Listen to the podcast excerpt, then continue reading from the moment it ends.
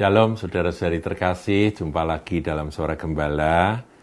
Kita akan lanjutkan eh, masih seputar pembangunan tembok Yerusalem dan kita sudah sampai pada eh, pintu gerbang berikutnya setelah kemarin pintu gerbang air ya yang berbicara tentang karunia dan buah roh.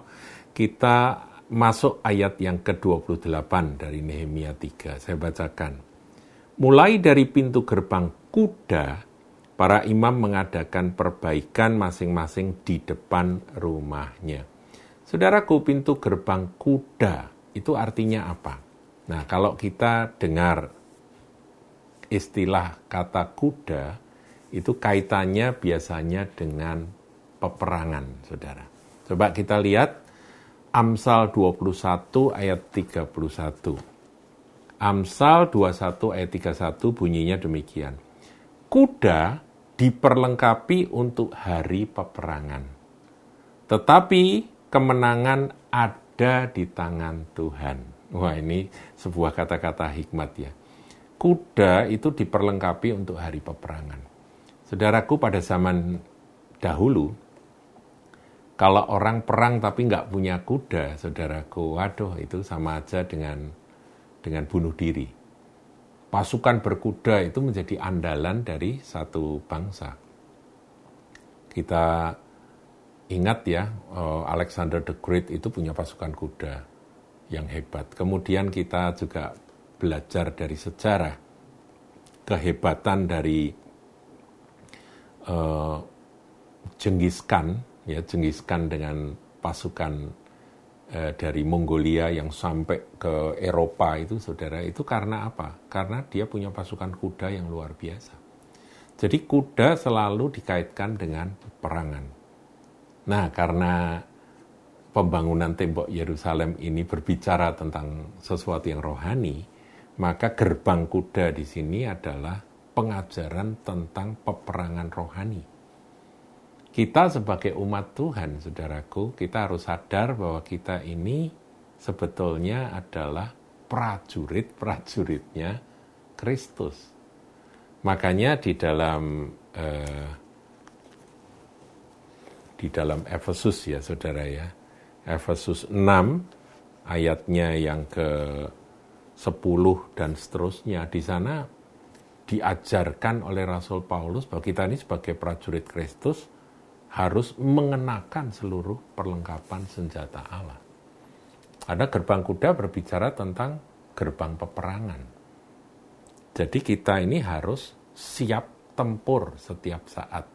Makanya dikatakan peperangan rohani ya, saudara jangan salah tafsir ya. Peperangan rohani. Dikatakan ayat 10, akhirnya hendaknya kamu, hendaklah kamu kuat di dalam Tuhan dan di dalam kekuatan kuasanya kenakanlah seluruh perlengkapan senjata Allah, seluruh perlengkapan senjata Allah supaya kamu dapat bertahan melawan tipu muslihat iblis. Karena iblis itu menipu, memakai muslihat macam-macam. Jadi kita harus mengenakan komplit selengkap senjata Allah. Ya, karena perjuangan kita bukanlah melawan darah dan daging, tetapi melawan pemerintah-pemerintah, melawan penguasa-penguasa, melawan penghulu-penghulu dunia yang gelap ini, melawan roh-roh jahat di udara. Sebab itu, ambillah seluruh perlengkapan senjata Allah supaya kamu dapat mengadakan perlawanan pada hari yang jahat itu dan tetap berdiri, artinya kita menang. Sesudah kamu menyelesaikan segala sesuatu. Jadi berdirilah tegap, Berdirilah tegap, berikat pinggangkan kebenaran.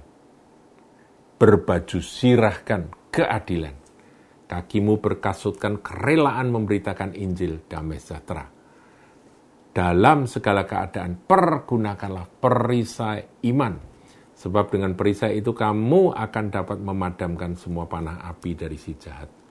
Dan terimalah ketopong keselamatan dan pedang roh yaitu firman Allah. Ayat 18, dalam segala doa dan permohonan, berdoalah setiap waktu di dalam roh, berjaga-jagalah di dalam doamu dengan permohonan yang tak putus-putusnya untuk segala orang kudus. Inilah gambaran dari kesiagaan seorang murid Kristus. Saudara dan saya, kita ini memang domba, kita ini memang anak Tuhan, kita ini memang mempelai Kristus, kita ini memang apa ya, memang e, murid ya, dan dia guru kita. Tetapi kita juga prajurit dan dia komandan kita. Nah, berbicara tentang gerbang kuda, ini mengingatkan kita bahwa pelajaran tentang kesadaran bahwa kita ini senantiasa ada di dalam peperangan rohani itu harus kuat. Makanya Rasul Paulus di dalam Efesus pasal 6 ini mengajar supaya kita ini mengenakan selengkap senjata Allah. Mulai dari kepala dengan ketopong keselamatan, baju sirah keadilan, ikat pinggang kebenaran, kasut kerelaan memberitakan Injil dan sejahtera, perisai iman, pedang roh, dan dengan segala doa. Jadi doa juga ada di situ, saudaraku, di dalam selengkap senjata Allah itu. Nah, ini penggambaran, penggambaran sesuai dengan zaman bahwa kita ini harus berjaga-jaga senantiasa. Tapi selain itu, saudaraku, kalau kita uh, membaca akan nasihat dari Rasul Paulus kepada Timotius, dikatakan uh, panggilan kita sebagai anak-anak Tuhan, sebagai murid Kristus ini, kita juga harus waspadai bahwa kita ini harus menjadi seperti prajurit, kan dikatakan begitu. Di sini ada tiga profesi yang disebut, saya nggak, nggak sebut yang lain, tapi saya akan ambil dari 2 Timotius 2 ayat yang keempat, yaitu profesi prajurit. Dikatakan, oleh ayat 3 dulu, saya maaf ya ikutlah menderita sebagai seorang prajurit yang baik dari Kristus Yesus. Jadi seorang prajurit yang baik itu harapan Tuhan untuk saudara dan saya boleh menjadi prajurit yang baik dari Yesus Kristus. Seorang prajurit yang sedang berjuang, perhatikan, tidak memusingkan dirinya dengan soal-soal penghidupannya. Jadi dia melupakan akan urusan-urusan pribadinya. Supaya dengan demikian ia berkenan kepada komandannya. Jadi yang di, diingat-ingat itu adalah apa yang menjadi perintah komandan. Itu aja yang aku jalankan, itu yang aku laksanakan.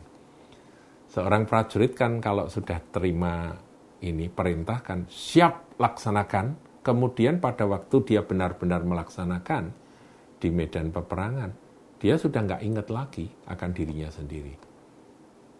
Bagaimana nanti uh, makan minumku, bagaimana uh, pakaianku, bagaimana rumahku, sudah nggak diingat, saudaraku. Yang diingat apa?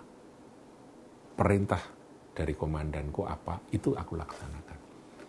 Saudaraku, kita ini prajurit, saudara.